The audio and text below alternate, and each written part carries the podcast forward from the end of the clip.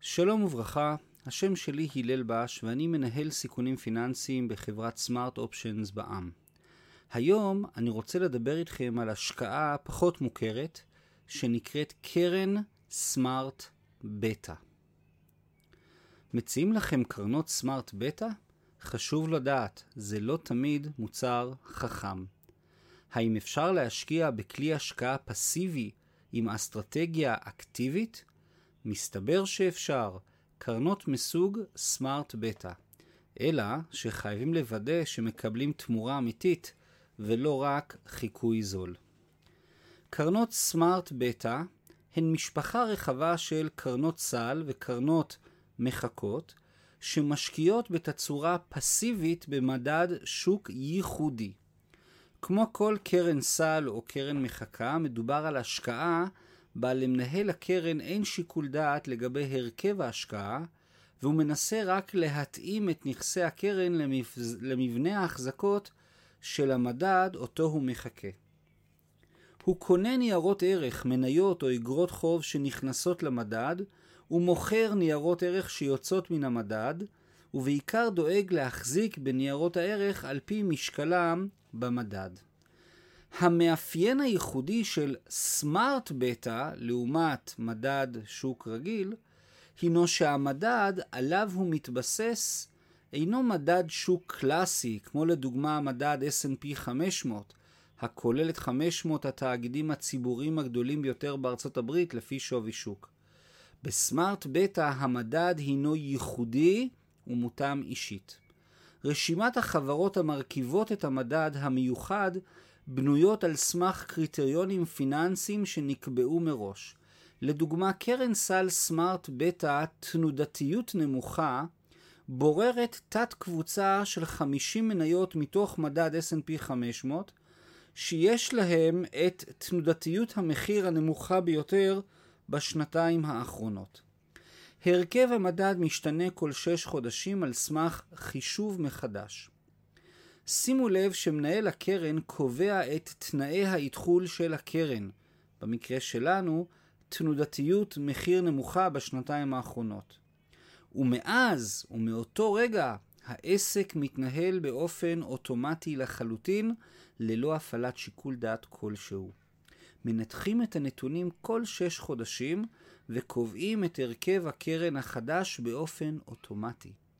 קרן סל, סמארט בטא, היא משפחה שלמה של קרנות מיוחדות, שבהם המדד הייחודי נקבע על סמך קריטריונים ברורים מראש.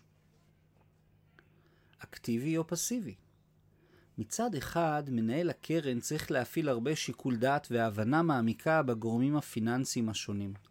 מטרתו המוצהרת כאן היא, היא ליישם ולאתר את הקריטריונים הנכונים שצפויים ליצור קבוצה של חברות מוצלחות במיוחד שישיגו תשואה עודפת ביחס למדד השוק הרגיל.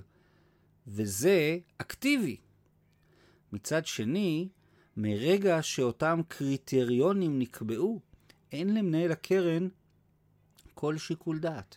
הוא מקבל רשימה של מניות ונדרש רק לוודא שהרכב נכסי הקרן תואם להרכב המדד הייחודי שלו, היינו, פסיבי. בבחינה יותר מעמיקה נראה כי קרן סל מסוג סמארט בטא יכולה לבטא את הטוב שבשני העולמות.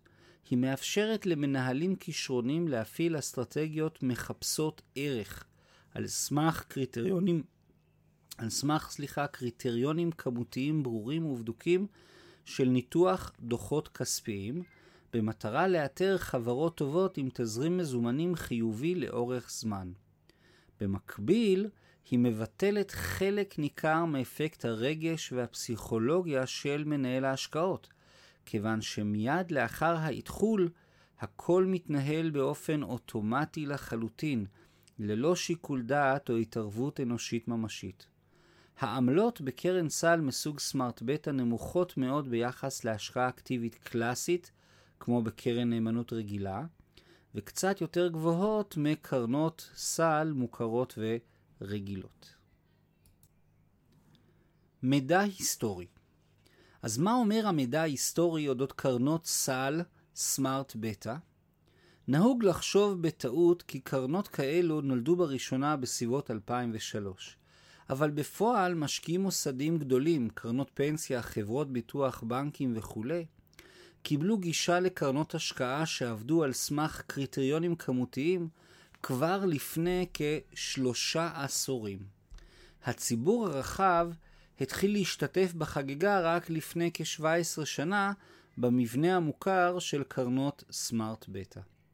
לפי המידע ההיסטורי ומגוון בדיקות מקיפות שנעשו, נמצא כי לטווח ארוך קרנות סל בטא משיגות תשואות ממוצעות טובות יותר ממדדי השוק הרלוונטיים להם, היינו ממדד הייחוס. לפי הנתונים, מי שיש לו אופק השקעה ארוך, ראוי שישקיע בקרנות סמארט בטא. אבל למרות הפופולריות הרבה של קרנות אלו, הן אינן מהווים עדיין איום ממשי על קרנות הסל הקלאסיות, על מדדי השוק המוכרים, כמו נסדק, S&P 500, דאו ג'ונס אינדסטריאל אברג' שהם מדדי שוק מרכזיים ומוכרים בארצות הברית. מדוע לא נוהרים לסמארט בטא? מטבע הדברים ניתוח ערך, קריטריונים המבוססים על דוחות כספיים וראייה אסטרטגית הינו ארוך טווח. במרוצת המחזור העסקי של עליות שערים, משבר פיננסי, התארגנות מחדש ושוב עליות שערים, קריטריון שנבנה על סמך ניתוח ערך צפוי להניב תשואה עודפת.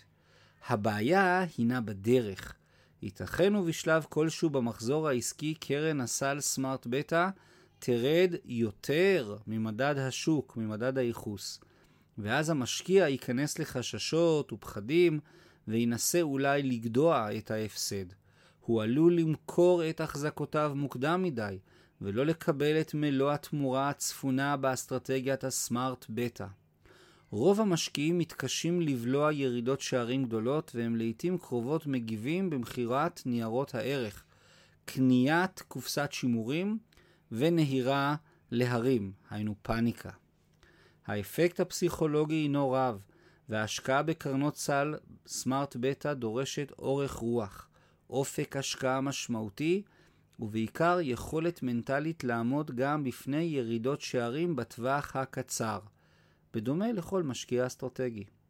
בסמארט בטא ירידות השערים בטווח הקצר יכולות להיות קיצוניות ביותר.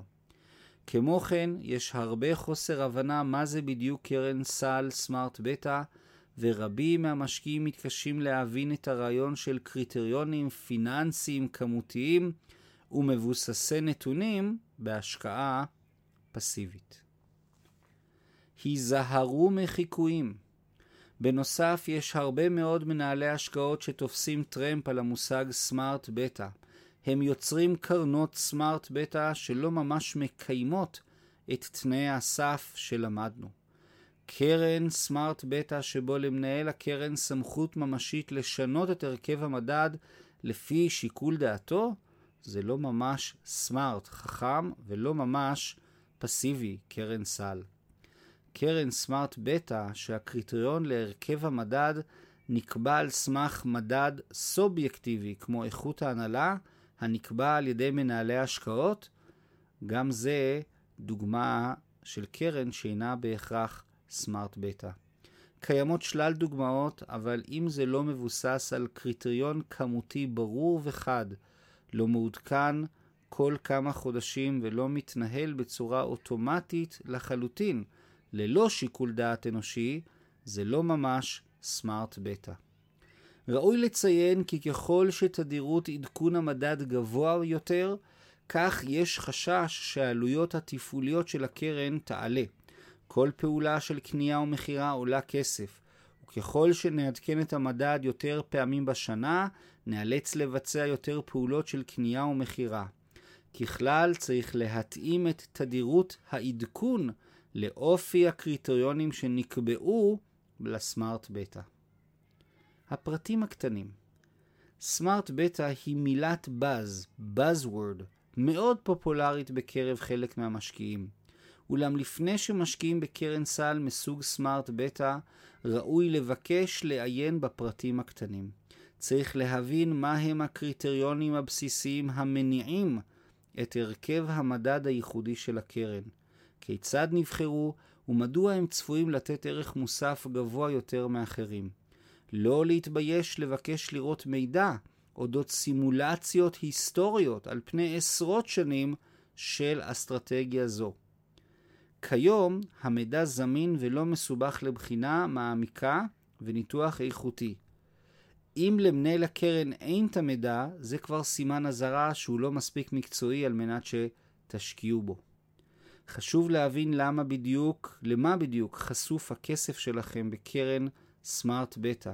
לא להכיר רק את הכותרת, אלא גם את המהות של הדברים.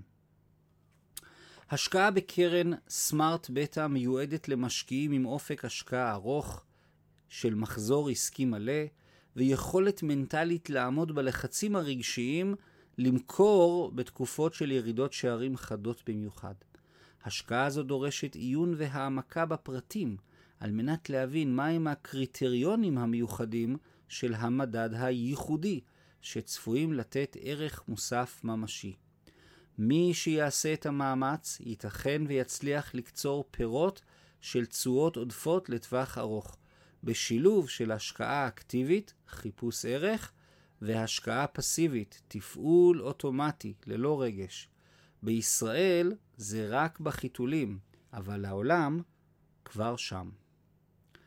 אני ללבש, אני מאוד מאוד מודה לכם על ההקשבה, ומקווה לראותכם בפרק הבא.